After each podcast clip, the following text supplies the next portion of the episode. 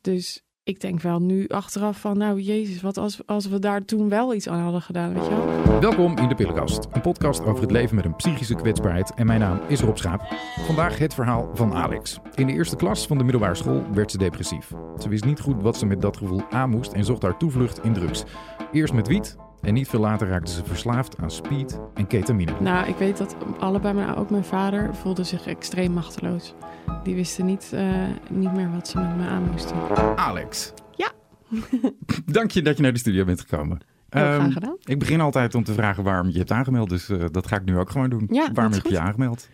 Ehm, nou, wat ik heb gemerkt in mijn leven, wat ik heel belangrijk vind, is dat ik eh, wat herkenning heb bij sommige mensen. Dat heb ik ook in jouw podcast gehad, bij anderen. Eh, dat ik dingen herkende van hun, ehm, waardoor ik me niet helemaal gestoord voelde en me niet helemaal alleen op de wereld voelde.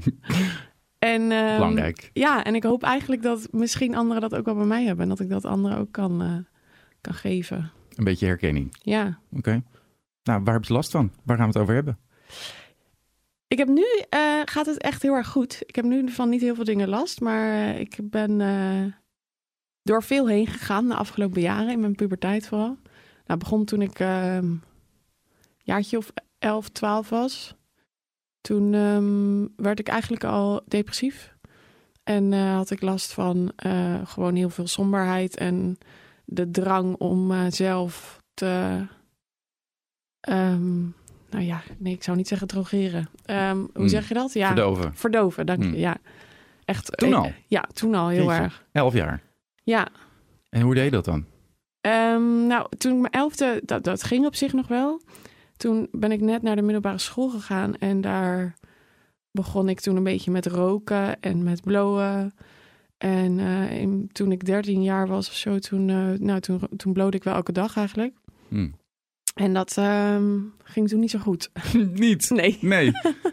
had, had je daar op school een beetje last van? eh, ja, zo? ja, overal. Dat je er niet meer kwam? Ik had echt een beetje het gevoel alsof ik in een soort droom leefde. En dat ik niet eh, meer echt grip had op mijn leven. En ik raakte toen zodanig, eh, nou ja, achteraf gezien depressief. Dat was toen nog niet gediagnosticeerd. Maar dat ik al heel erg veel zelfmoordgedachten en neigingen had. En dat dat ook me een soort van eerste poging. Als ik terugdenk, dan was het ook een, soort van een roep van... Ja, jongens, dit gaat niet goed. Mm. Help alsjeblieft. Ja, zo begint het vaak. Ja, maar ehm, ja, dat was wel, eh, wel lastig. En toen, even denken, ja, toen begon ik ook met, ehm, eh, met automutilatie. Toen ook al. Ja, dus mezelf snijden. Maar dat is het meest voorkomende. kun je, je- de eerste herinnering die je hebt aan dat je je somber voelt of depressief voelt, was echt op je elfde. Daarvoor was er niet, niet veel aan de hand. Nee, volgens mij niet. Ik heb destijds een. ehm, ik heb, eh, toen ik echt klein was, ik heb het heel erg leuk gehad, hele leuke jeugd gehad. En ik had altijd een ehm, beste vriendinnetje. En mijn zus had ook een beste vriendin. En dat waren dan zussen. En die ouders, die waren heel erg close met mijn ouders. En dat voelde een beetje als een tweede, tweede paar ouders, zeg maar. Daar waren, we ook elke week wel. En die eh, moeder is toen overleden. En ik denk dat dat een beetje het begin was eh, van, de, van de trouble, zeg maar. Dus toen is, het, eh, is mijn somberheid denk ik een beetje begonnen. Hm. Ja, En, dat, en dat, hoe kom je dan op het punt dat je, want ik bedoel, dat je als kind somber bent? Oké, daar kan ik me nooit iets voorstellen. ja. Eh, maar als je dan op je elfde begint met, met roken en op je twaalfde, als je naar de middelbare school gaat, meteen, Ja. meteen met blowen elke dag, dan is het toch wel ook iets, iets mis. Ja, dat denk ik ook. Ja, ik denk dat ik ook. ehm, nou ja, verslavingsgevoelig, dat sowieso. ja, dat. eh, maar hoe ik daarop ben gekomen, dat weet ik dus niet zo nee, goed. we- niet vrienden of zo. Die daar, eh, ongetwijfeld kom je daar met, eh, op het schoolplein wel een keertje mee in aanraking op de middelbare school.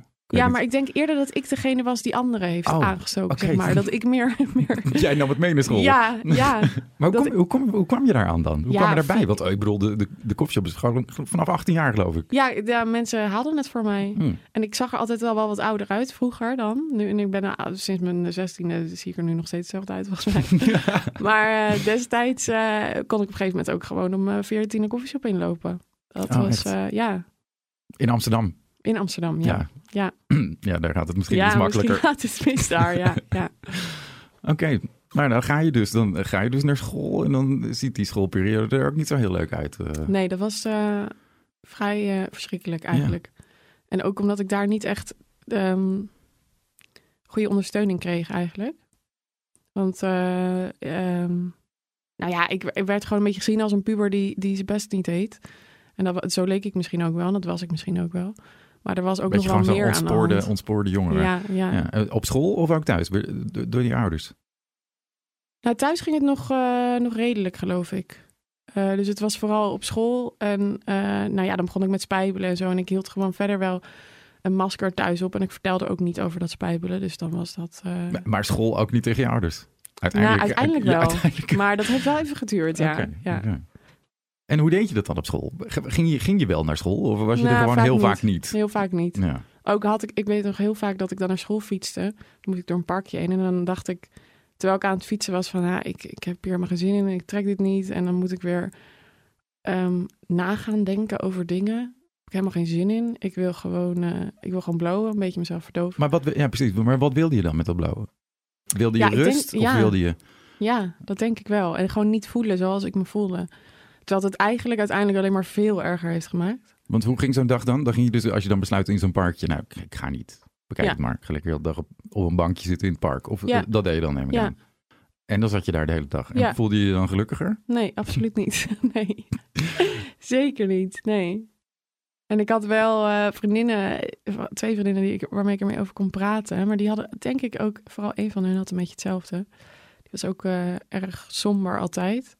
En ja, dan, dan waren we gewoon lekker somber samen, zeg maar. Ja, ja.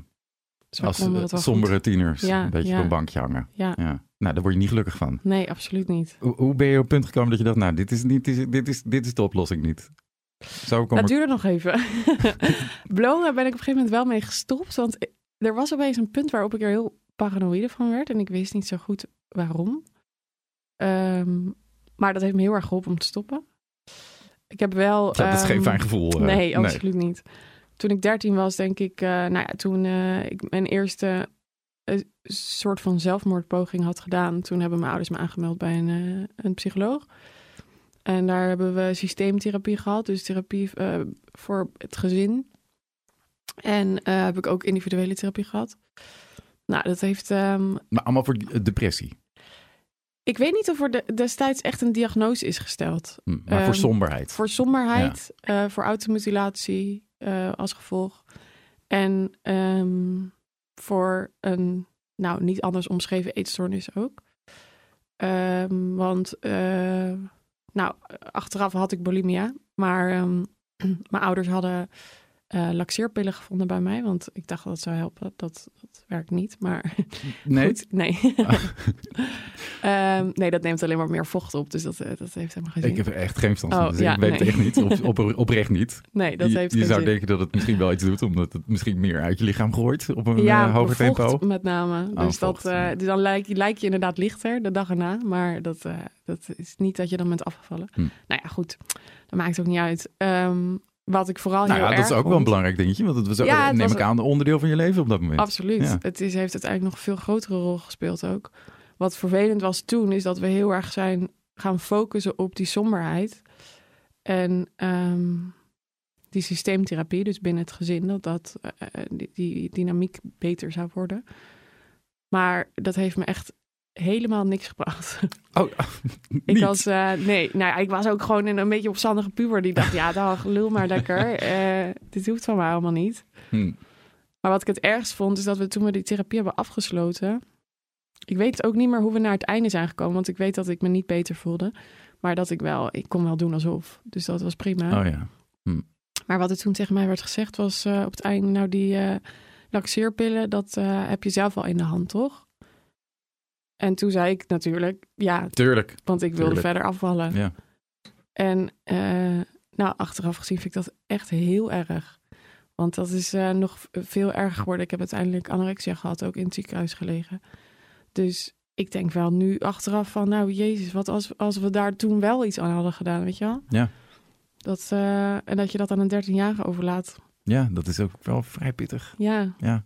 Dus, eh, En aan een meisje dat niet zomaar daar zit, met Nee. problemen Ja. en eh, hulp nodig heeft eigenlijk. Ja, ja. Ja. Dus dat was wel gek. En je zei net over de dynamiek in het gezin, was die dan niet helemaal goed? Dat ze daar wat verbeterpunten zagen? Ik denk het niet. Maar ik vind het moeilijk om dat terug te halen. Ik weet dat ik. ehm, nou ja, eh, mijn moeder is eh, psycholoog van origine. Die is erg eh, gericht op dingen oplossen. En eh, we gaan erover praten. En alles wordt beter. En eh, eh, op die manier. Mhm. Mijn vader is ehm, eh, wat minder van het praten. Dus die is. eh, die gelooft, therapie, daar gelooft hij ook niet echt in. Oh, dat is een lastige combinatie. ja, dat is erg Een lastig. psycholoog en iemand die niet in therapie Ja, gelooft. ja, dus dat was. ehm, dat ging al, al- altijd wat stroef. En ik kon dan wel met mijn moeder praten. En vooral het communiceren ging ook via mijn moeder. Dus dan, eh, mijn moeder had het dan daarover met mijn vader. En ik had het dan weer met mijn moeder over.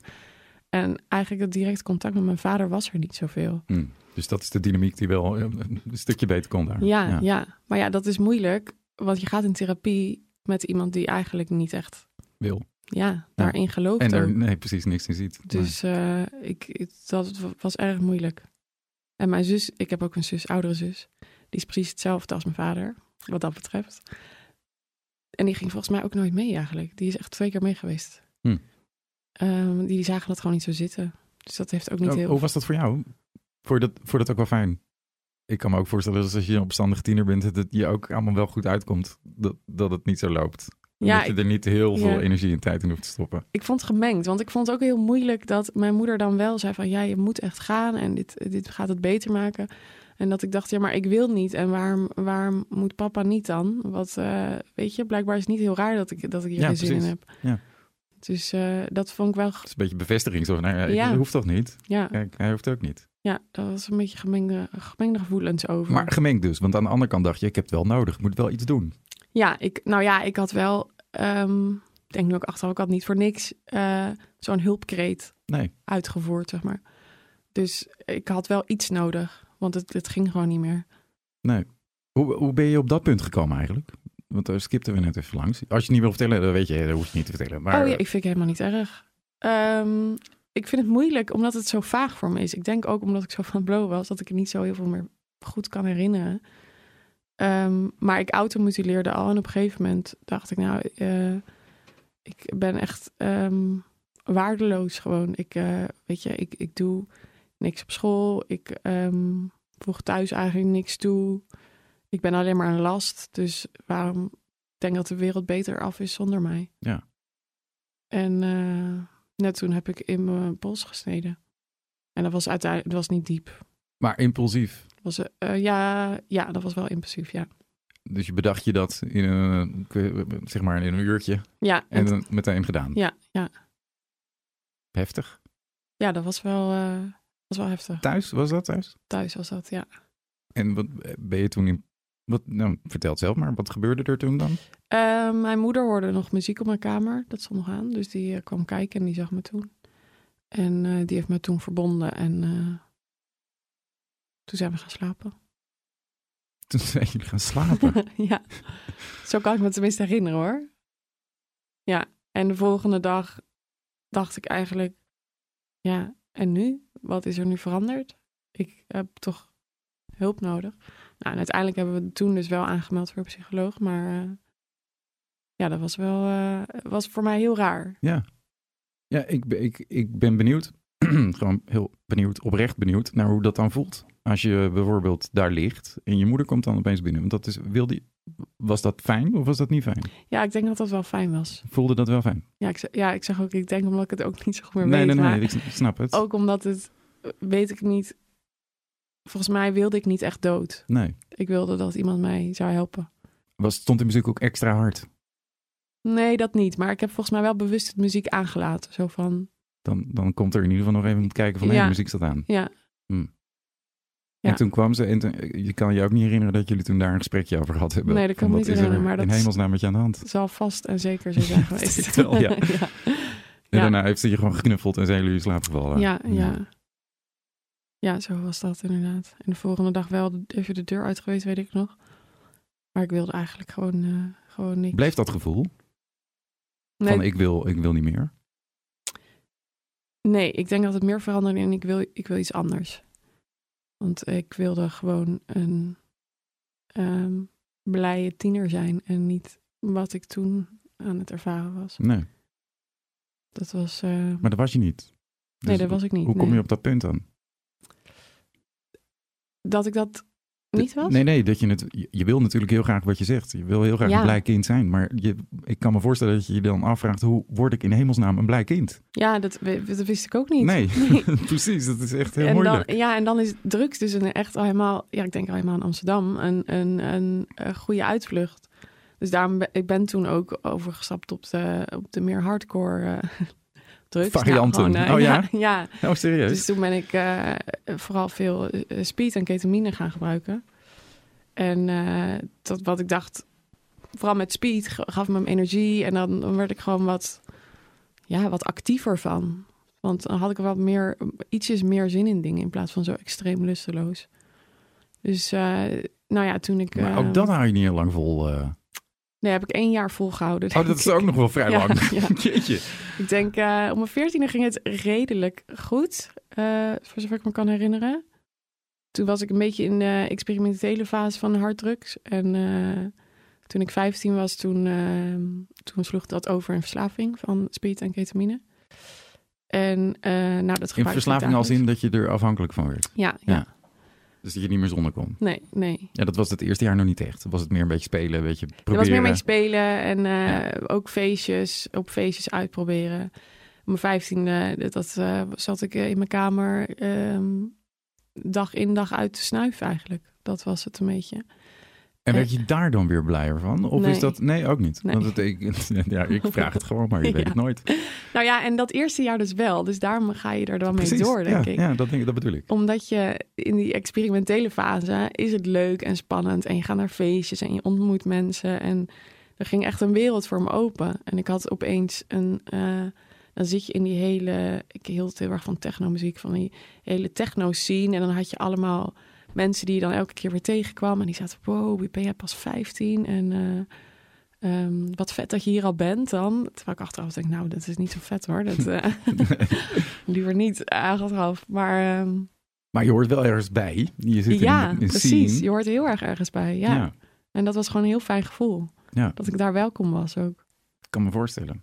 Maar dat gaat dus op een gegeven moment, en zeker dan wat je net zei ook, dat je verslavingsgevoelig bent. Ja, ja. Dan worden dat soort dingen, gaat het over van eh, eh, leuk naar, nou ja, dwangmatig. En, ja, eh, heel erg. Ja, ja en dat was dus dagelijks gebruik toen, op, toen ik 15 was. maar heb je Toen- dat betaald allemaal?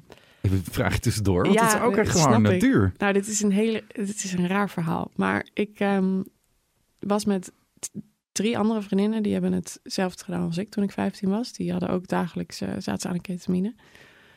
Ehm, we hebben een man ontmoet op een feestje ooit. Van een jaar of 45, terwijl wij 15 waren. En daar kwamen wij wekelijks over de vloer thuis. En die gaf ons een... Ken je van die schatkistjes? Van dat, waar ijs in zit? Ja, ja. Nou, en dat maar dan gevuld met ketamine. En dat gaf hij ons, per week gaf hij ons eentje. Gevuld met ketamine. Ja, en hij was, het was een hele rare man. En achteraf denk ik, hij wilde heel erg graag ehm, een vrienden maken. En eh, connectie maken. Mhm. Hij heeft nooit ons ehm, ehm, aangerand of iets in die trant. Hij is altijd heel erg... Tegen prestatie, tegen verwacht ook niet. Nee, Gewoon- echt helemaal niks. Hm. Dus, en daar ben ik achteraf heel erg blij mee. Want het had Ja, natuurlijk heel anders kunnen ook, zijn. ja. Maar eh, Nogal. alsnog wel heel bizar dat hij ons dat gaf. Ja, en dat, dat, dat gebruikten wij. En eh, een vriendinnetje van mij die verkocht dat dan ook door. Maar ik dacht, nou, ik vind het wel lekker. Ja, ja. ja en speed, eh, dat kocht ik wel dan. En dat, dat geld haalde ik overal vandaan. Dat heb ik ook wel gestolen. Hm. Voor, ja, Ja, je doet alles om dat geld te krijgen. Ja, Daarom vraag ik ja. het, want het is natuurlijk een dure absoluut. hobby. Ja, zeker. Ja. En die ketamine, dat, wat, doet, eh, wat, doet, wat doet dat eigenlijk? Dat weet ik ook niet zo heel goed. Ketamine is eigenlijk een paardenverdoofmiddel. Dus eh, Oh. het, het verdooft je. ja. Nou, daar was je wel naar op zoek. Ja, ja, dus dat was En een perfect. paardenverdoofmiddel dat doet het volgens mij dan Ja. ook wel erg goed. Ja. ja. Ja, je krijgt een... ehm, ja, het is een beetje dronken gevoel ook. Omdat je niet, niet zo'n extreem goed, goed controle meer over je lichaam hebt. Ehm, maar je bent ook gewoon verdoofd in je hoofd. Dus je denkt eigenlijk niet zoveel eh, meer over alles na. Gewoon relaxed. En met die speed kon ik dan nog een beetje Iets actiever worden. Ja, ja. Dan wakkerde je het weer een beetje ja. Ja. precies. En het is dus niet zo dat wanneer, want eh, als je het hebt over verslavingen, dan zijn dat soort dingen spelen denk ik niet meer. Maar het is dus niet zo dat je, je een bepaalde stemming hebt en je rot voelt. En je denkt, oh dat gevoel wil ik niet, ik neem nu die ketamine en dan verdwijnt het gevoel. Je begint eigenlijk gewoon al de dag met. Ja, ja. Dat dus was die, echt die, zo, ge- ja. die gedachten zijn er überhaupt dan helemaal niet meer. Nee, ja, klopt. Dus je stopt alles heel ver weg eigenlijk. Ja, Dus dat komt er een keer uit. ja zeker, ja. Nou ja, ik heb op een gegeven moment gestopt met ketamine, weet ik nog. Maar ik, Ja, maar hoe, weet niet zo meer hoe. nee, dat is ook wel, hoe, maar hoe kom je van zo'n verslaving weer af dan? Ehm, nou, die ketamine, volgens mij zag ik die man op een gegeven moment ook niet meer. En toen, nou ja, Oh. toen had ik het gewoon niet meer. Nee. Ehm, en wat dat betreft denk ik ook dat die verslaving minder erg was. Maar speed was hardnekkig. Daar heb ik nog, ehm, nog wel eh, mm, anderhalf jaar mee ge- gestruggeld. En daar ben ik ook... Uiteindelijk hebben vriendinnen van mij aan de bel getrokken. Die hebben gezegd tegen mijn moeder van... eh hey, dit gaat niet goed. En eh, toen hebben we mij aangemeld bij de Jellinek in Amsterdam. Dus, ehm, verslavingsbehandeling. Op je vijftiende? Ja, toen was ik eh 15 of 16 jaar, denk ik. Hm. 16, denk ik wel. En eh, nou, dat liep echt flink uit de hand, want dat was echt. ehm, ik kon echt niet opstaan zonder. Dus dan, als ik wakker werd, dan het eerste wat ik deed was ehm, een lijntje leggen en daarna onder de douche en daarna weer wat en dan nog naar school proberen te gaan. Dat, dat ging ik dan wel proberen. ja, dat werkte natuurlijk allemaal niet. Niet. Nee. Ja.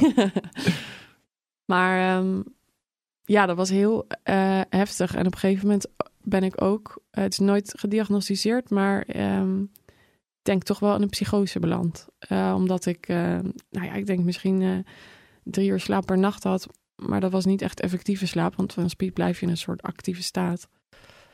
En als je dat een paar weken lang hebt al, dan, nou, dan zeg je lichaam, nou, stoep, Doei. stoep je maar even mee. Ja. Dus op een gegeven moment voelde ik krampeesjes overal. En al s'nachts zag ik dan dingen in de hoeken van de kamer.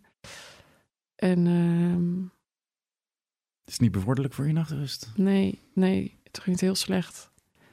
En toen heb ik ook nog nachten dat ik eh, ehm, tegen mijn moeder zei van... joh, ik, ik durf gewoon mijn ogen niet dicht te doen. Ik, ik ben gewoon zo bang dat iets mij aan gaat vallen. Of er is iets in de kamer aanwezig, ik voel het. En eh, dat ik nachten met mijn moeder op de bank eh, in de woonkamer... dat zij dan bij mij lag. Zodat ik niet minder bang was. Ja. Dus je moeder was daar wel bij dus al die tijd. Dat vroeg Ja. me ook nog af. Ja. Want die heeft dus...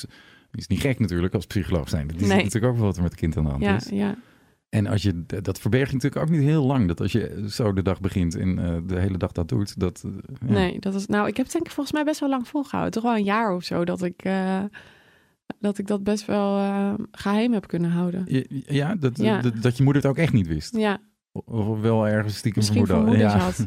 Ja. Ja, maar dan, ja, ik was ook best wel he- heftig al toen. Dus ik dacht, als zij er iets van zouden zeggen, dan, dan was, werd ik gelijk boos en van eh, bemoei je er niet mee en het is mijn leven. En dan zou ik ze alleen nog maar meer wegduwen, denk ik. Ik denk dat dat Hmm. wel- ook is wat mijn moeder eh afschrok. Hoe zou je moeder, denk je, die periode omschrijven als je het aan haar zou vragen?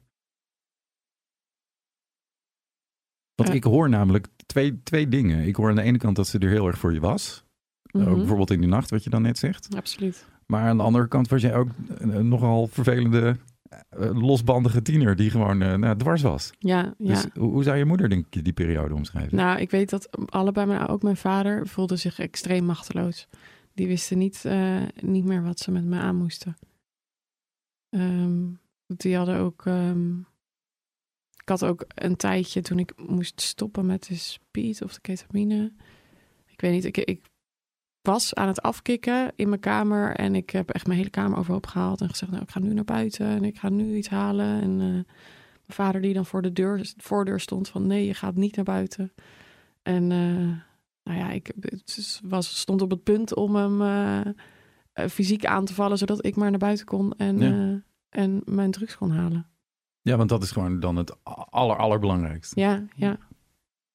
Dat was echt het allerbelangrijkste, ja. En voelde je dan ook niet meer, kan ik me zo voorstellen, wat het doet met je ouders als kind? Dus je, zie, zie jij niet de, de wanhoop in je moeders ogen en Nee, toen, die vader die voor de deur staat, zie je niet de zorg in zijn ogen, maar je denkt alleen maar ga weg, aan de kant. ja, ja. Ik heb toen eh, niet het verdriet gehad wat ik er nu om, om kan hebben.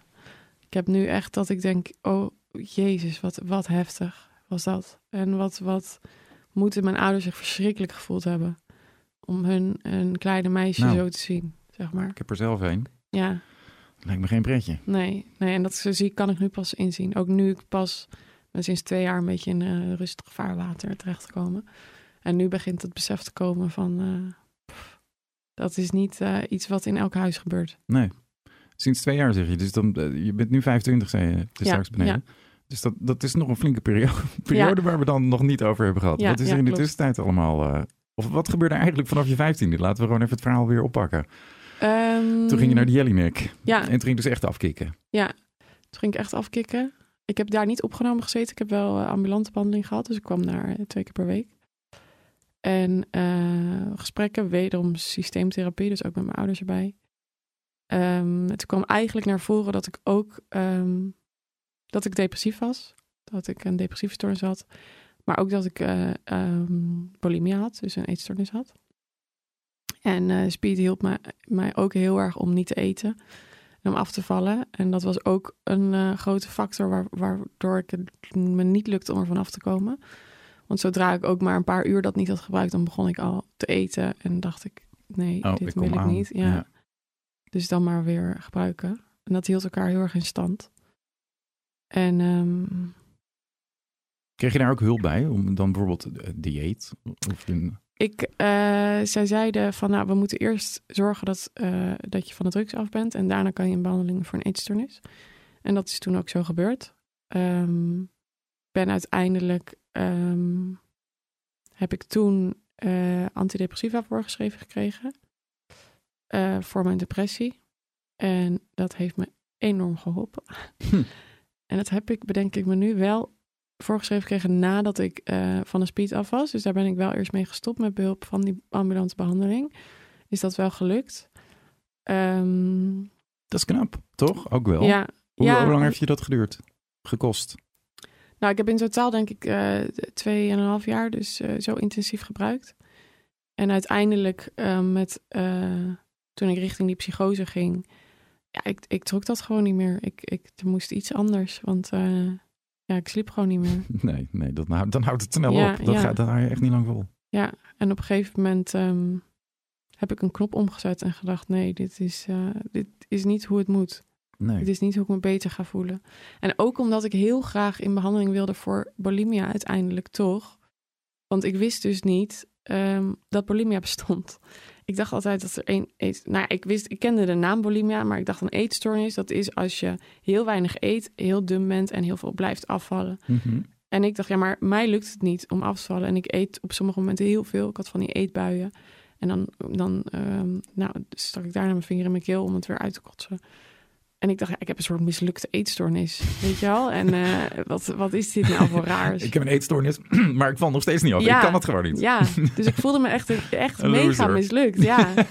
en toen opeens hoorde ik over bulimia, van wat het echt was. En dat dat dus echt is van, eh, er zijn periodes dat je, dat je jezelf verhongert. En dan daarna denkt je lichaam, logisch. eh, hey, ik mag weer eten. ja, Ja. en dan ga je. Ja. En dat dat iets is waar ontzettend veel, vooral meiden, mee kampen op de wereld. En dat ik dus niet in mijn eentje was. En dat was ook een stukje erkenning dan. Ehm, en dat luchtte zo erg op dat ik dacht, oh, ik ben eigenlijk helemaal niet zo mislukt. Er is echt wel degelijk iets mis, zeg maar. Waar, iets waar ik aan kan doen. Ehm, iets waar ik iets aan kan doen. Dus ehm, dat was ook een motivator om wel te stoppen met speed. Zodat ik eh, in behandeling kon voor de eetstoornis. Maar ik vind het toch nog steeds heel knap. Want eh, je kan wel een motivator hebben en gemotiveerd zijn ergens voor. Maar dan is het nog steeds een hele zware verslaving. Ja, ja. Nou, speed is vooral mentaal eh, eh, erg verslavend en minder lichamelijk.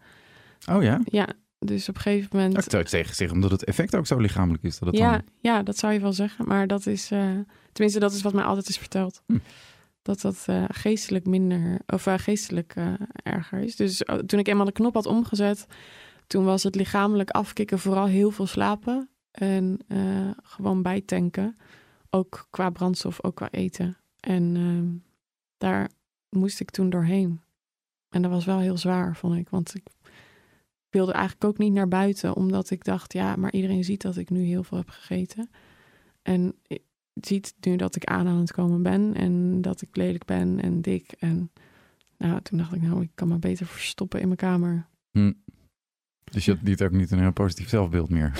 er Nee, is niet nee. veel van over. Nee, daar was eigenlijk echt niks van over.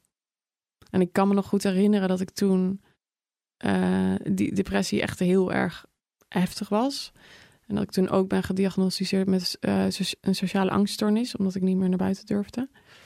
Of, of dat eigenlijk, dat gaf me heel veel spanning vooral. Ik, ik durfde het uiteindelijk nog wel, maar het gaf me heel veel spanning. En eh, gewoon zo depressief. Ik, ik, ik weet nog dat ik dan op de bank zat en dat ik probeerde zo min mogelijk te bewegen, zodat ik niet door had dat ik bestond, zeg maar. Oh, Dat ik het liefst, ja, ergens weg zou willen kruipen in een donker hoekje en dan dat iedereen me maar vergeet. En kon je niet, want hoe, hoe welke leeftijd hebben we het nu over? Eh, dit was toen ik 16 of 17 was. 16 was ik toen, ja. 16. Dat is ook wel jong hoor. Want ik wilde zeggen, ben je dan ook niet ergens een beetje trots op jezelf? Zeg maar wat je dan de afgelopen jaren, hoe je leven er toen uitzag. En dat je het aan het veranderen bent. En eh, ik snap dat het nog steeds niet helemaal is waar je wilde zijn. Maar hè, kon je daar ook niet ergens een klein beetje trots zijn op jezelf? Nee, daar heb ik echt geen moment van trots eh, gevoeld toen. Nee. Ik weet nog dat ik... eh, mijn moeder toen eigenlijk pas zei van... hey, Alex, dit lijkt wel echt op een depressie. En dat ik toen dacht van... oh, dit dit is niet iets waar elke puber mee zit. Dit is echt wel best heftig. Ja. En eh, toen voelde ik me eindelijk een beetje gehoord. Ik, ik kan me nog heel goed het moment herinneren dat ze dat tegen mij zei.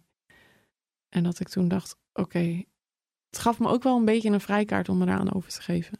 Te denken van, oh, ik ben depressief, dus ik hoef nu niks. Dus, eh, dus niet meer... Bedoel je meer dat je ook wist van, ik, er is iets met mij aan de hand. In plaats van dat ik gewoon een heel ontspoorde tiener ben. Ook dat, ja, absoluut, ja. Ja, kan ik me voorstellen. En heb je toen ook die antidepressiva gekregen? Toen, eh, toen heb ik antidepressiva gekregen en dat hielp echt enorm. Ik heb, eh, ik heb denk ik de eerste twee weken... Ik kreeg het advies om dat te nemen. En toen heb ik gezegd, nou, dag. Ik ben net van al die troep af en dan ga ik nu weer, Weer pillen nemen. Ja. Oh ja, ik kan me voorstellen. Ja. Dus eh, daar was ik heel erg tegen. ja. Toen zei je moeder. Ja, toen zei mijn moeder, ja, Ja, die zei, ja, maar zie het als een eerste, eerste stap, zodat je iets, de energie hebt om hier aan te werken. Ja. Dat En, is het eh, vaak, hè? ja. Dat je even een drempel over moet om dat soort dingen... Ja, maar vervolgens, bijna tien jaar later, zit ik er nog steeds aan. Ik slik het nu nog steeds. Hetzelfde. Ja, Maar, maar waarom zou je ermee stoppen dan? ja dat zegt iedereen tegen mij.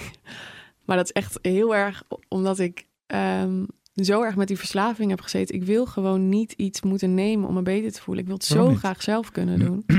ja. Het is echt, ik weet niet. Heel veel mensen vinden het eh, gek. En men, m, zijn psychiaters die tegen me zeiden: ja, never change a winning team. Dus ga zo door, weet je. Want nu leef je een fijn leven. Maar ik denk, ja. Leef je een fijn leven? Eh, absoluut. Dat kan een ja. psychiater wel zeggen, maar dat is ook Ja. belangrijk dat je het zelf vindt. ja, nee, ja, dat is wel echt zo. Ja. Ja. Maar toch wil ik, eh, is er ergens nog iets in mij dat er van af wil. En ik heb vorig jaar ook weer een poging gedaan, maar het lukt niet. Wat gebeurde Dus, er toen eh, dan? Werd je weer depressief? Ja, ja, nou, ik krijg dan echt wel weer depressieve gevoelens. En ik heb heel erg last, vooral de week voordat ik ongesteld word. Nou, eh, premenstrueel syndroom noemen ze dat. En dat kan heel lichamelijk zijn, dat je heel erg pijn hebt. Het kan ook heel mentaal zijn. Dus dat je ehm, nou, depressieve gevoelens krijgt dan. En daar was ik toen voor de, naar de dokter gegaan. En zei, ja, nou, normaal schrijven we dan eh, antidepressiva voor. En toen zei ik, ja, dat is nou precies waar ik vanaf moet komen. en toen zei hij, ja, nou, dat is dus waarschijnlijk ook waardoor het dus weer naar boven komt nu. En iets wat je misschien altijd hebt gehad, maar wat dan is onderdrukt. Ja. Dus, eh, en toen heb ik uiteindelijk besloten, nou, ik heb dan liever die, eh, die pil dan elke maand zo eh, verschrikkelijk voelen. Ja, Dus, dat is ook niet dat ik je niet begrijp, want ik gebruik inmiddels ook geen medicatie meer. Precies om Ja. die reden. Dus het is, ik snap het helemaal. Maar ik, ik, de, ik, ik zeg even gewoon na wat iedereen dan natuurlijk ook. Hè. Zoals Ja, je zegt tegen je zegt ja. van ja, maar waarom zou je? je? Het gaat toch nu heel goed? Ja, Kun je niet meer herinneren hoe verschrikkelijk je leven er ooit een keer uitzag? En met die pillen gaat het een stuk beter. ja, Maar toch blijft er iets van ik wil het zelf doen. Ik wil het zelf kunnen. ja, heel erg. En ook, ik vind het ook een, een niet fijn idee wat het, met mijn, wat het in mijn hoofd doet. Ik slik een serotonine heropnameremmer. Dus dat, dat zorgt ervoor dat ik een grotere concentratie serotonine in mijn hersenen heb. Wat je dus over het algemeen eh, blijer en opgewekter maakt. Vraag je Ja. jezelf af, ben ik dit? Ja, en dit is ook ja. dit is een van de dingen die wat speed en cocaïne ook, Ook doen. doet, ja. Dus dat, dat is eigenlijk gewoon bizar. En ik ben heel blij dat het voor mij werkt, maar ik ben over het algemeen wel van mening dat het veel te veel wordt voorgeschreven. En veel te snel wordt voorgeschreven. En heb je, heb je last van bijwerkingen? Of is het nee, Nee. helemaal niet? Nee, helemaal niks. Nee. Dus er is echt alleen maar de drang van ik wil het zelf kunnen. Ja, ja, Ja. ja, en ik weet dat het me ooit gaat lukken. Maar Nou ja, je bent 25, dus Ja, het is helemaal niet gezegd dat je dat de rest van je leven moet gebruiken hoor. nee, nee, zeker niet. Maar het, het voelt wel zo. het- bijna tien jaar is toch wel echt. Dat had ik nooit gedacht toen. Ik dacht, oh, dit wordt even een half jaar, een jaar. Dan ben ik weer een beetje op de rit. Kan ik, eh, ben ik weer helder genoeg om aan mezelf te werken. En dan eh, kan dat er wel weer af. Maar dat is dus niet gebeurd. En heb je in, in die, tussen, in die tien jaar, heb je dan ook therapie? Ja, Bijvoorbeeld? ja, ik heb er nog, eh nog steeds ook? doorgegaan. Ja, nee, nu niet meer. Oké. Ik heb me nu wel net weer aangemeld. Ehm, maar daar kom ik zo op. Oh, oké. Anders raak ik in de war. Ja. spannend. ja, ik ben een clubhanger. nee, ehm, want dat ging nog even door toen namelijk. Want die, die antidepressiva hebben me enorm geholpen wel. Maar ehm, toen ging ik in behandeling voor eetstoornis. En op de een of andere manier... want, want je kan pas ook weer, daar ne- neem ik aan, ik zeg het maar, de, de, in behandeling voor zo'n eetstoornis, als ook bijvoorbeeld hè, die depressie iets minder wordt. Ja. Zodat je iets Ja. beter over jezelf kan nadenken. En Ja. alles verschrikkelijk is. Zeker, zeker, ja. Maar op de een of andere manier, eh, van het moment dat ik de antidepressiva slikte, lukte het me om niks meer te eten. En ook geen eetbuien meer te hebben. En ik heb zelf die, eh, die relatie gelegd, maar ja, anderen zeggen ja, dat kan helemaal niet. En ik, ik snap ook niet hoe dat zou kunnen. maar ik vond het zo bizar dat dat op de een of andere manier ervoor zorgde dat ik dat dus kon. En misschien ook omdat ik me beter voelde, dat het daarom lukte of zo. Ik kan het wel voorstellen. eigenlijk. Ja. Ja, ik weet. Ik, ik, Want het is ook misschien iets als je je heel somber en rot voelt, dan heb je ook geen kracht om, zeg maar, want je doet het uiteindelijk om een mooier beeld van jezelf te creëren, Ja, toch? ja. Dus, en dat kun je eigenlijk alleen maar doen als je je ook een beetje positief voelt om zoiets. te- Als je depressief voelt, dan is alles, eh, zelfs dat is eh, geen tijdsinvestering waard. Ja, ja, dat is zeker waar. Ja, Tenminste, zo zou ik het als amateur eh, een beetje ja en toch was het, toen ik me zo somber voelde, toen was het niet dat ik het, Niet idee. ehm, nou ja, mezelf niet waard vond. Of tenminste, ik vond mezelf niks waard, maar ik wilde wel echt alles wat het kostte afvallen, omdat ik dacht, dan ben ik het wel waard. Oké. Dus de, de, de motivatie was er zeker wel, ook toen ik zo somber was. Maar ik kan me voorstellen dat hij wel, tenminste, dat is dan vanuit mijn, mijn eigen perspectief een beetje beredeneerd. Dat als je je positiever voelt, je wel ook aan dat soort misschien slechte dingen voor jezelf, maar wel beter kan werken. Ja, Ook ja. om- omdat het gewoon, ja, die depressie is wat minder. Ja, nou dat was dus ook overduidelijk Ja. zo.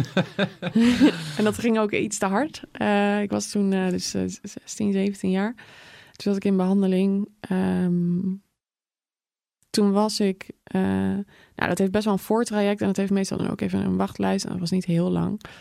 Maar dat was lang genoeg voor mij om, eh, om flink wat af te vallen. En dan, eh, nou, dan krijg je ook een fysieke intake. Dus dan krijg, word je eh, bloed geprikt en krijg je een ECG. Dat is zo'n hartfilmpje wordt er gemaakt. En toen bleek dat mijn hart het allemaal niet zo leuk vond de jaren daarvoor. Oh. Wat best begrijpelijk is. en toen werd ik opgenomen in het ziekenhuis.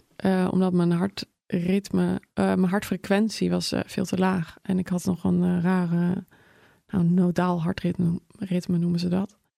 Ehm, het impuls wat normaal zorgt dat je hart samenknijpt, dat kwam bij mij ergens anders vandaan. Een soort, een soort backup Oh. eh, die dan aangaat.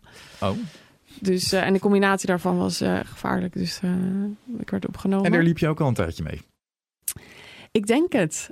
Ik denk vooral de, dat nodale hartritme, dat dat best wel een tijdje was al. Die hartfrequentie die gaat natuurlijk omlaag omdat je geen, geen brandstof meer hebt. Dus jouw, eh, jouw hart denkt, nou, ik ga maar wat langzamer pompen. Alles gaat gewoon in een standje lager. Ja, alles gaat een standje lager. Ja, in een soort slaapstand eigenlijk. Hmm. Dus eh, dat moesten ze eh, blijven monitoren. Nou, ik heb uiteindelijk e- maar één week in het ziekenhuis gelegen. En toen mocht ik er alweer uit, gelukkig.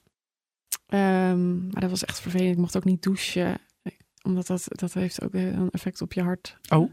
Ja, Ik leer allemaal hele Ja. nieuwe dingen vandaag. ja.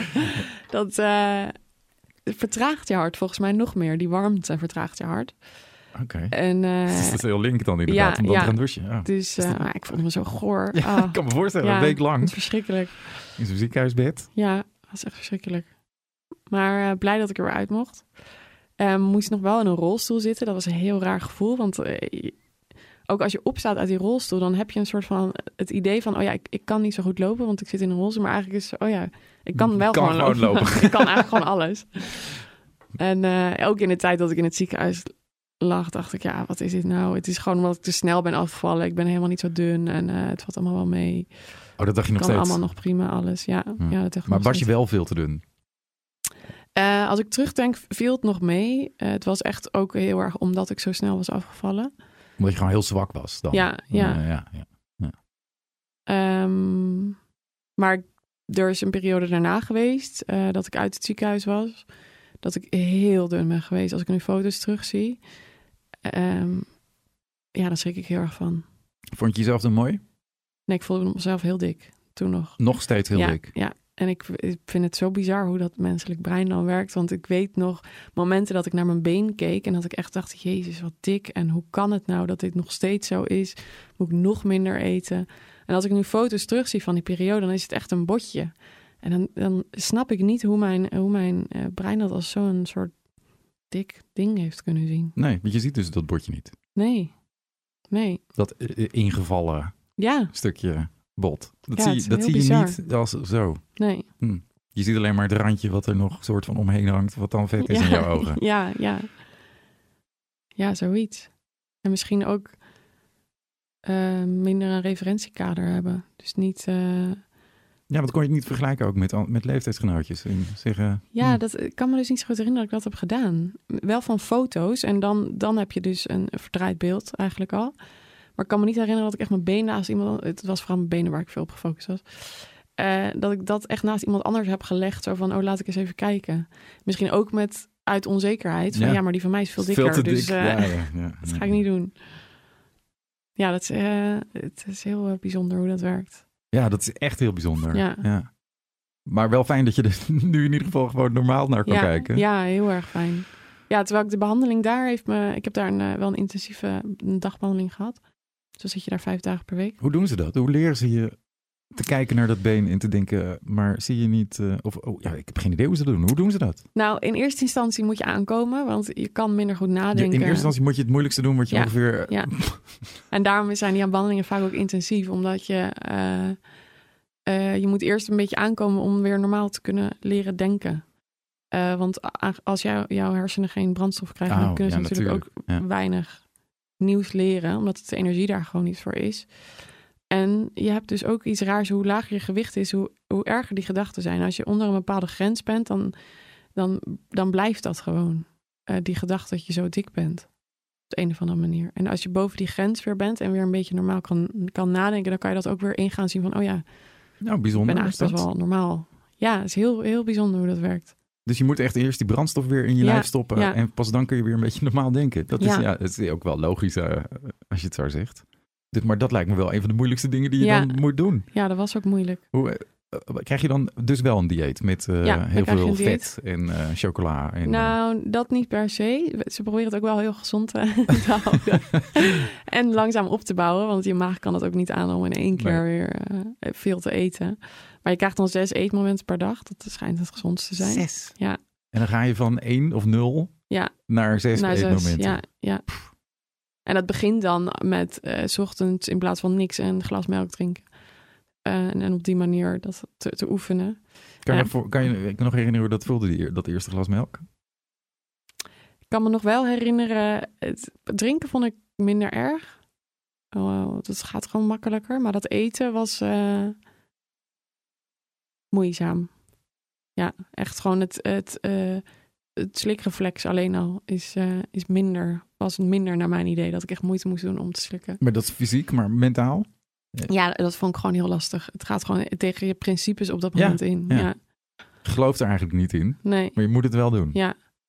En ik heb, het heeft me dus ook eigenlijk niet echt geholpen. Want pas in de periode na die dagbehandeling ben ik dus eh, zo dun geworden als, eh, als die foto's Oh. waar ik nu van schrik. Oh. Ehm, want toen was ik naar een wat ehm, minder intensieve behandeling gegaan. Deeltijd heette dat. was twee, twee dagen in de week volgens mij. En toen had ik weer ruimte om, eh, om af te vallen. En dat heb ik toen ook gewoon gedaan. Ehm, Terwijl je daar twee keer in de week moest zijn. ja, ja, En dat zagen ze niet aan je. Ja, ze zagen het wel. En je hebt ook weeg- weegmomenten. Oh. Dus eh, je wordt eh één of twee keer per week gewogen. Keihard geconfronteerd met Ja. je... Nou ja, en ik weet nog dat ik daar dus ook. ehm, dan moest je altijd van tevoren naar de wc, zodat je, eh, eh, weet je, leeg bent en dan, dan gewogen wordt. Want je ook een keer op dezelfde manier gewogen wordt. Mhm. En dat ik toen eh, heel veel water ben gaan drinken in de wc. Daarna, Oh, ja, extra, ja. ja, om extra zwaar te zijn. Toen was ik heel misselijk daarna. En toen pas daarna ben ik gaan lezen van, oh, het is eigenlijk heel gevaarlijk om zoveel water te drinken. Dat kan, kan je Want echt veel, veel, echt drie, vier liter water. Ja. ja. in één keer. Dan Ja. kan je echt eh, van dood gaan gewoon. Nou, daar ben ik toen wel van geschrokken. Dat weet ik nog wel. Dat heb ik toen daarna ook niet meer gedaan. Maar ze hebben me wel een beetje losgelaten. Ze dachten, nou ja, dat... eh, Misschien dachten ze wel dat ze een... eh, heeft geen zin meer. nee, Oh ja, dat- nee, denk het niet. Ik denk... nou ja, eh, dit- dan verwijt je ze het wel dat ze je een beetje losgelaten hebben. ja, een beetje wel. Ja. Maar uiteindelijk ook, ook weer niet, omdat ik uiteindelijk het dus wel zelf heb gedaan. ja, maar dat hoor ik heel tijd. Je wil het heel graag allemaal heel Ja. erg goed eh, zelf Ja, doen en zo. Maar je hebt ook af en toe hulp nodig natuurlijk. Nou ja, en wat mij heeft geholpen is, ik ging toen uiteindelijk terug naar ambulante behandeling, wat dus één keer per week een gesprek was. En ehm, eh, ik had een hele fijne, hechte vriendengroep. En eh, die gingen allemaal leuke dingen doen die zomer. En die gingen naar eh Seagate, een festival in, in Budapest. En ik wilde super graag mee, maar ik woog te weinig. En mijn hartslag begon weer te erg te dalen. En toen hadden ehm, de arts en mijn moeder afgesproken met elkaar. Die zeiden, nou, als je dit gewicht bent, dan mag je gaan. En dat heb ik toen gehaald. En toen eh, eh, was ik op Seagate. En toen dacht ik, weet ik nog, dat ik dacht, dit is veel leuker dan dun zijn.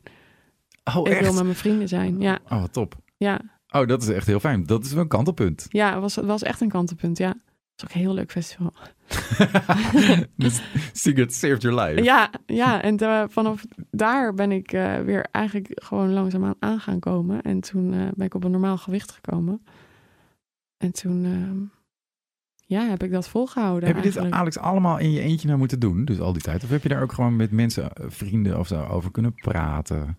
Of op zo'n festival dat je zegt, nou, het voelt eigenlijk wel... wel- Kon je daar open over zijn? Ik had een vriendje van mijn vijftiende tot mijn achttiende. Ehm, daar heb ik er redelijk mee over gepraat met hem. Die is er mega erg voor mij geweest. Oh, wat moet ik moeilijk geweest zijn voor hem. denk ik achteraf. Eh, maar verder niet eigenlijk. Hm. Nee. Nee. Dus dat heb ik wel redelijk eh, alleen, Alleen En ik gedaan. durfde dingen ook Ja. niet tegen hem te zeggen altijd hoor. Ik was natuurlijk nog heel, heel onzeker ook. Ja, heel jong. Ja, Ja. Dus eh, ja, En onwijs in de knoop met jezelf, als ik het eh, zo hoor. Nou, ontzettend, ja. En je ouders, heb je dit inmiddels met je ouders wel eens kunnen terugblikken op hoe dat is geweest allemaal? Voor iedereen. Redelijk, maar ik probeer dat nog. ehm, ik ben dat nog een beetje aan het verwerken. Helemaal omdat ik nu, nu ik sinds twee jaar weer ehm, gelukkig ben, eigenlijk, om het maar even zo te zeggen. En er weer beter over na kan denken en ook beter op kan reflecteren. Kan zien wat, er, wat, wat ik verkeerd heb gedaan of wat ik beter had kunnen doen. Maar ook wat zij misschien beter hadden kunnen doen. En ehm, daar wil ik het heel graag met ze over hebben, maar het is een beetje een drempel voor mij. Ik, eh, Wat merk, houd je tegen? ik merk dat het me gewoon heel veel verdriet doet, hoeveel pijn ik hun heb gedaan. En ook eh, richting mijn zus, die al die jaren ook. eh, kijk, eh, ik denk dat mentale problemen ook niet uit het niks komen. Dus ik denk ook dat het een deel erfelijk is. Ik denk, mijn vader die, die heeft ook zo'n struggles gehad. En mijn zus heeft dat ook, absoluut. Maar de aandacht was op mij gefocust, want ik was helemaal los, losgeschoten, weet je wel. Hm. Dus ehm, Dus heb je een schuldgevoel over? heel erg schuldgevoel, ja. ja. Vind ik, eh, vind ik echt heel erg dat zij eh, niet de zorg heeft kunnen krijgen die ze toen nodig had. Ook al had ze die toen misschien niet gewild, ook als, als, als eh, opstandige puber. Maar dat ze de kans ook niet had. Dat vind ik heel erg. Alleen ik, ik snap het helemaal. Ik zou alleen dan. ja, ik zou echt meteen tegen je willen zeggen: ja, maar je is een kind van elf, hè, daar begint het eh, verhaal Ja. mee. Is ook niet echt. eh, die, die, die verantwoordelijkheid kun je ook niet leggen bij een kind van elf. Nee, nee. Nee, dat is waar. Je hebt daar niet bewust voor gekozen. Nee, klopt. Ja, en ik merk nu, nu merk ik ook al van, dat zeggen meerdere mensen tegen mij. En dan zeg ik heel erg, ja, dat klopt. En rationeel kan ik ook bedenken, dat klopt inderdaad. Ja, maar het gevoel. voelt het niet. Nee, Nee. Ik, daarom zeg ik, ik snap het ook wel. Ja, ja het voelt echt, eh, vind het heel erg. En ook die, die, die herinneringen die ik zo visueel heb van dat moment dat mijn vader voor die deur stond. Het doet me gewoon heel veel pijn als ik daar aan terugdenk. Dat vind ik, uh, vind ik zo erg dat ik ze dat heb aangedaan. Ja. Maar heb jij ze dat aangedaan of heeft de verslaving op dat moment uh, ze dat aangedaan? Ja, wel de verslaving op dat moment. Maar het, het er ja, is ik, natuurlijk... Je gaat het heel erg rationaliseren nu Ja, weer. Ja, ja. ik merk dat. Ja. Dat, is, dat snap ik ook heel goed. Nou, er is een moment geweest waarop ik ervoor heb gekozen om... om Heb je daarvoor gekozen, ja? ja, ik denk het wel. Ja, is dat een keuze? Om mezelf te verdoven in plaats van eraan te, te werken. Ja, is dat een keuze? Ja. Als je zo jong bent? Ja, ik vraag het, hè, letterlijk. Ik weet het ook niet. Ik was er niet bij. Ja, nee, ja, klopt. En ik, ik zit ben nu- jou ook niet, dus ik weet ook helemaal niet hoe dat in jouw hoofd zit. Maar ik kan me zo voorstellen dat het ook niet is waar je vrijwillig 100% Nee, voor nee. kiest om dat te doen. Die verdoving die zoek je, omdat het anders ondraaglijk is. Mhm. Nou, en ik zou, als ik nu zo nadenk, zou ik ook bij anderen zou ik zeggen: nee, dat was geen keuze. Nee, Dat is precies. jou overkomen. Ja, maar als het over Als het om mezelf gaat, nee, ja. dan eh, denk ik dat was een keuze. Of er, er zijn momenten geweest dat ik het anders, anders had kunnen doen. Denk ik. Denk je niet dat het helpt als je dat dan wel gaat bespreken met je, Ja. met je ouders? Ja. En dat ga ik ook zeker doen. Ja. Ehm, maar ik heb nog even nodig. Dit zal een mooie aanleiding voor ze zijn. Ja, dat denk ik wel. Ja. Ik wil ook nog heel even horen waarom je twee jaar geleden opeens gelukkig bent eh, geworden. Wat is er toen Ja. opeens gebeurd dan dat je denkt, hé, hey, Ehm, dit werkt. Nou, het ging nog verder eigenlijk. Want toen ik... ah, eh, even denken hoor. Nee, laten we hem oppakken dan weer. Ja, dan zitten we ja. op het festival en toen dacht je, hé, hey, Ja. hey, hey, dit is eigenlijk veel leuker Ja, dan eh, al die moeilijke dingen die ik op mijn hals. En van mijn 17 tot mijn 18 ben ik, eh, was ik gelukkig. Ging het heel goed op school. En had ik eigenlijk alles wel onder controle. Heel veel vrienden had ik. Want ik was wel blijven zitten natuurlijk. Maar ik had mijn oude vriendengroep houden, nieuwe vriendengroep erbij. En dat was eh, helemaal super. En het eind van het jaar ehm, ja, begon ik toch weer een beetje drang te krijgen naar verdovende middelen. En Weet je nog waarom? Uit niks. Nee, dat weet ik eigenlijk niet zo goed. Hm. Misschien ook omdat ik eh, dan toch die depressie weer een beetje naar boven kwam. Of gewoon uit gewoonte. Omdat dat zo lang zo eh, gewoon was geweest. Eh, toen ben ik, naar, eh, toen ben ik eh, heel veel gaan drinken en heel veel cocaïne gaan gebruiken. Maar dat, dus geen, geen speed. Nee, geen speed. Er kwam een soort omslag. Oh. Maar dan verlangt hij dus niet meer naar datzelfde weer terug. Nee, nou ja, er was ook een. dat, dat was een drempel van. Oh, en ik mag geen speed gebruiken. Oké. Want dan ga ik weer terug. Dus als het geen speed is, Ja, wat is het het er dan nog Ja. op de markt? Ja, dus dat was. En dat was ook deels omdat ik ehm, in mijn omgeving dat meer werd gebruikt. Er werd vaker dan waar een avondje een biertje aan het drinken en dat het dan eh cocaïne op tafel lag. Nou, dat was gebruikelijker Ja. dan speed. En op die manier, ehm, Goed te combineren met alcohol. ja, precies. Dus dat eh, ging toen goed mis weer. En En begon, dat begon ook niet langzaam. Dat begon gewoon meteen, ja, boom. Ja, dat was eh, al gauw ook elke dag weer. En daarvoor, eh, nou dat is nog veel duurder dan speed. Dus daar heb ik ook... eh, ja, ja, want alcohol is duur, maar cocaïne is ook duur. ja, ja, Het is allemaal duur. ja. En dat liep echt de spuigaat uit. Dat was ehm, heel veel op een dag dat ik gebruikte. Echt heel veel. Dus, eh, nou, Maar- Hoe, hoe, hoe, eh, hoe zag je dag er dan uit? Want ik, als je speed gebruikt, dan kun je, nou ja, dan kun je, als ik het zo hoor, je dag zag er dan een beetje baziger uit, maar je kon nog wel gewoon de dag een beetje door. Maar als je Ja. dronken bent de hele tijd en, en daarnaast ook nog, nog cocaïne gebruikt om het weer een beetje, hè, een beetje af te zwakken, een beetje helder te worden. nou, Hoe ziet je dag er dan uit? alcohol gebruikte ik eigenlijk wel vaak in de avond vooral. Oh, niet ochtends meteen. Niet ochtends, nee. En, maar, eh, en cocaïne was echt het, eh, het grootste probleem wel. En ehm, ik had toen een, eh, een soort van... eh, nou ja, ik was heel veel met iemand, een vriend van mij... op wie ik eigenlijk helemaal verliefd was. Maar goed, dat was hij niet op mij. Dus en dat deed me heel veel pijn. Maar hij, eh, hij hielp mij heel erg door de, de- die zware periode heen. En ehm, die heeft me toen op een gegeven moment ook aangemeld bij de Jellinek weer. Nee, oh nee, dat was punt P. Dat valt onder één, één ding. Dus dat was gewoon een, gewoon een psycholoog. Eh, met spoed wel, omdat het zo slecht ging en ik weer aan het automutileren was ook. Ehm, Maar dus even voor mijn begrip, dan gaat Ja. het... Je begon toen met drinken en met die cocaïne gebruiken Mhm. ineens. Eigenlijk weet je dus niet zo Mhm. heel goed wanneer. En dat, dat escaleerde al heel snel. ja, En dat dat, toen kwamen ook al die andere dingen weer terug. Ja. Oké. vooral de depressieve gevoelens en de automutilatie. Ook omdat, denk ik... Dus het was niet alleen maar een ontsnapping van... Oh, dat je het ook naar je zin had, zeg maar. nee, nee. Het was gewoon meteen ellende. Ja, het was al gauw ellende. En als ik... Ik weet nog dat er momenten waren dat ik dacht, waarom stop ik niet gewoon? Want het, ma- het laat me zo ellendig voelen. Waarom doe ik dit? Ja, en toch vraag. had ik elke keer die drang weer. Dan heb ik ook wel eens met de psycholoog uit, uitgepluist van, nou ja, misschien is het moment ervoor. Want dat geeft je heel veel ehm, arousal. Van, oh, het is spannend en eh, yes, ik, ik krijg weer eh, wat cocaïne en dat wordt leuk. Ja, dat was het eigenlijk nooit. Ook dat niet. Nee, ook dan niet. En toch eh, is die verslaving het hardnekkigst geweest. En eh, ben ik nu drieënhalf jaar clean. Dus eh, sinds mijn 22e. Maar het heeft vier jaar... heeft, is dat geduurd wel. Ja, dus dat was verschrikkelijk eigenlijk. En ik weet nog wel toen... toen had ik op een gegeven moment tegen die vriend gezegd van... nou, en nu is het klaar. Eh, ik wil je niet meer zien, want het doet me te veel pijn. En toen ik dat had gezegd, toen viel ik in een heel diep gat. Ehm, en toen eh, dacht ik wel echt, nu wil ik dood. Dit is het. Het is klaar. Dus toen ehm, nou, heb ik weer om in mijn pols gesneden. Ehm, heeft mijn moeder me gevonden. Toen zijn we wel naar het ziekenhuis gegaan. Toen is het gelijmd. Nou ja, goed. Dat is allemaal goed gekomen, gelukkig. Denk ik nu achteraf. Eh, en toen ehm, ben ik opgenomen geweest in een eh afkikkliniek. Voor cocaïne en alcoholverslaving.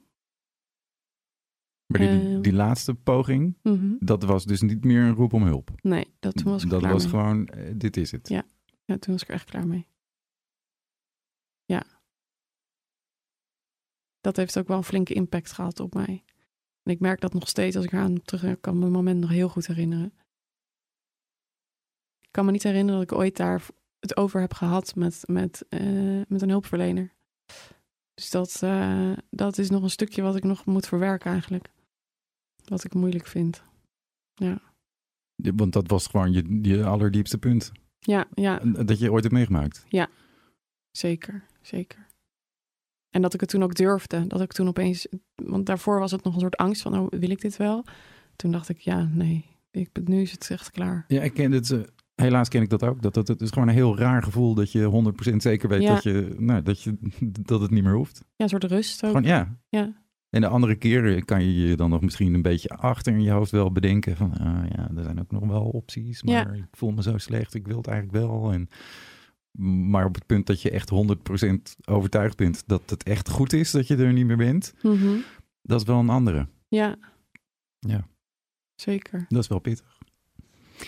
Nou ja, toen ben ik eh, naar een... Dus er was een nieuwe psycholoog. Die heeft... ehm, zodra ik 18 was, want dat mag dan pas... Borderline persoonlijkheidsstoornis gediagnosticeerd bij Hm. me. En... ehm, Weer een erbij. Ja, maar toen viel er echt een last van mijn schouders af. Ik was zo opgelucht. Ik dacht echt, hè? Is dit iets? En ik ging erover lezen en ik dacht, dit ben ik gewoon. Dit is precies wat ik lees, dat ben ik gewoon. Ja. En er zijn mensen op de wereld die hier ook mee rondlopen. En er zijn hele behandelingen voor uitgeschreven. Meer dan één. En ik, ik heb zoveel opties ineens. Ik, Ja, Het is ja. niet alleen maar, Ja. alleen maar dood is de uitweg. Dus, ehm, maar ik moest eerst wel clean worden voordat ik een behandeling kon volgen. En dat eh, was ehm, erg moeilijk voor me. Ja, dus eh, eerst twee maanden in, eh, in Den Haag in een kliniek gezeten. Ehm er was nog een jongere kliniek toen.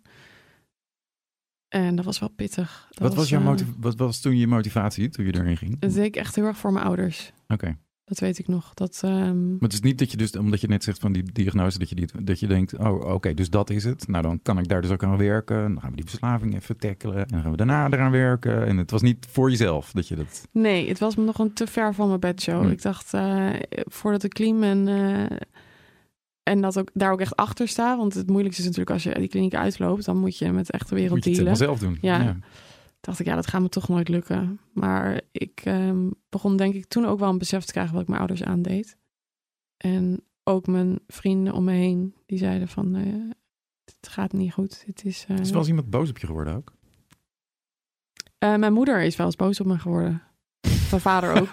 Ja. ja, dat is eigenlijk ook wel gewoon vrij Ja, normaal natuurlijk. ja. Maar echt gewoon heel boos. Ja, heel boos. ja, wel van waarom Uit doe wanhoop. je me... Ja, echt Ja. uit pure wanhoop. Ja. Dat je dat ook echt in iemands ogen ziet. Van eh, waarom doe je ons dit aan? Dat is hoe ik het toen interpreteerde. Maar misschien dat het ook wel was van alsjeblieft, Stop. je bent het waard. Ja. Zeg maar zo meer. ja. Ja. Wat heftig. Maar wat goed dat je er dan nu, er nu vanaf bent, al 3,5 Ja. jaar. Ja, zeker. Daar ben je toch nu wel trots op dan? Heel erg. Ja, Ja, fijn. Oh, gelukkig. Ja, ja zeker. Ja. en niet dat je nog steeds een soort van voorbouw maakt van nou ja, kan je niet hoor, Nee. dat aan mij ligt. Maar... nee. nee, daar ben ik wel absoluut trots op. En ik heb toen, ehm, mm, toen ik uit de eerste kliniek kwam, nou, toen ging het weer mis. En eh, toen ben ik met een eh dialectische gedragstherapie begonnen. Dat is op borderline gericht. En daar gingen ze mij ook nog helpen. Dat is binnen de Jellinek, dus binnen een verslavingsbehandeling. Gingen ze me ook nog helpen om, ehm, om af te kicken. Dus heb ik toen ook nog eh, het, een maand opgenomen gezeten. En uiteindelijk is het me gelukt om te stoppen. Oh ja, dat was het. ja, ik was toen naar volwassenenonderwijs inmiddels, omdat ik nog steeds probeerde mijn middelbare school af te maken. Maar dat, dat ging natuurlijk niet echt. En eh, ik had eindexamens en daar had ik toch wel best goed voor geleerd aan, eh, aan de cocaïne en uiteindelijk ook aan de speed, omdat ik echt niet meer wist waar ik het geld vandaan moest halen. En speed gewoon goedkoper, Goedkoper. is. Ja. Dus mijn eindexamens heb ik uiteindelijk aan, eh, aan de speed ge- gehaald. en ik weet nog dat ik mijn laatste examen uit, uitliep. En dat ik toen dacht, nou nu is, het, nu is het klaar. Ik ga ermee stoppen. En dat was ook omdat mijn zus was uitgerekend twee weken daarna. eh, ze kreeg een zoontje toen. En ik woonde samen met mijn zus, met z'n tweetjes. Dus we zouden ineens met z'n drietjes zijn. En ik dacht, ja, ik kan, niet gaan lopen snuiven waar een baby bij is. Dus eh, ik kan maar beter nu stoppen dan wanneer, de, wanneer eh, mijn neefje er al is. En ik ben mijn neefje heel veel dankbaar. Oh, ik wilde net zeggen, dan ben je me daarop dankbaar. ja, echt heel erg. Want het, het is echt, het heeft me zoveel gebracht, dat nieuwe leven in, in, in mijn leven. Gek hè, dat daar dan de motivatie vandaan komt. Ja, ja, en toen was ik was er echt helemaal klaar mee. Ik dacht, dit is niet waar het leven om draait. Ik, ik, dit, ik wil beter worden. Ik wil dit aanpakken. Ik wil een leuke tante zijn Mooi. en hem op zien groeien. Ja, En dat werkte dus. dat werkte enorm, ja. En inmiddels woon ik ook niet meer met hun twee. Eerst dacht ik nog, oh jee, straks, ga ik weg daar. En dan is het, Oh weet je ja, wel. ja. Dan, Dan maakt je... het dan nog uit. Maar dat is allemaal helemaal goed gegaan. Dus eh, zo'n leuk kindje. ik word zo blij van hem. Ja. Dus, eh, maar die heeft een heel speciale plek in je leven. de ja, rest van je heel leven. erg, heel erg, ja. Absoluut. Echt wel, eh, echt wel een heel bijzonder verhaal. Maar ik, ben, ik hoop toch ook wel dat je nu gewoon... eh, hoe, zie, hoe zie je de toekomst? Eh, ben je vol vertrouwen of ben je ook nog een beetje huiverig? Ik ben nog een beetje huiverig. Ja? Ja, eh, helemaal omdat ik merk dat ik... eh die dialectische gedragstherapie heeft me heel veel gebracht. Die geeft je echt de handvatten Wat voor... doet dat dan? Eh, ik ken het eigenlijk niet zo. Ja, de dialectiek dat slaat op dat je twee verschillende dingen hebt die eigenlijk een beetje samen, samen fuseert, als het ware. En dat gaat door bij borderliners om acceptatie en verandering. Dat je die in evenwicht brengt. Dus dat je accepteert dat je een gevoelig persoon bent. Want dat ben ik nou eenmaal. En eh, ik neem. Nou ja, ik word, ik word snel emotioneel, maar ik word ook heel snel heel erg blij.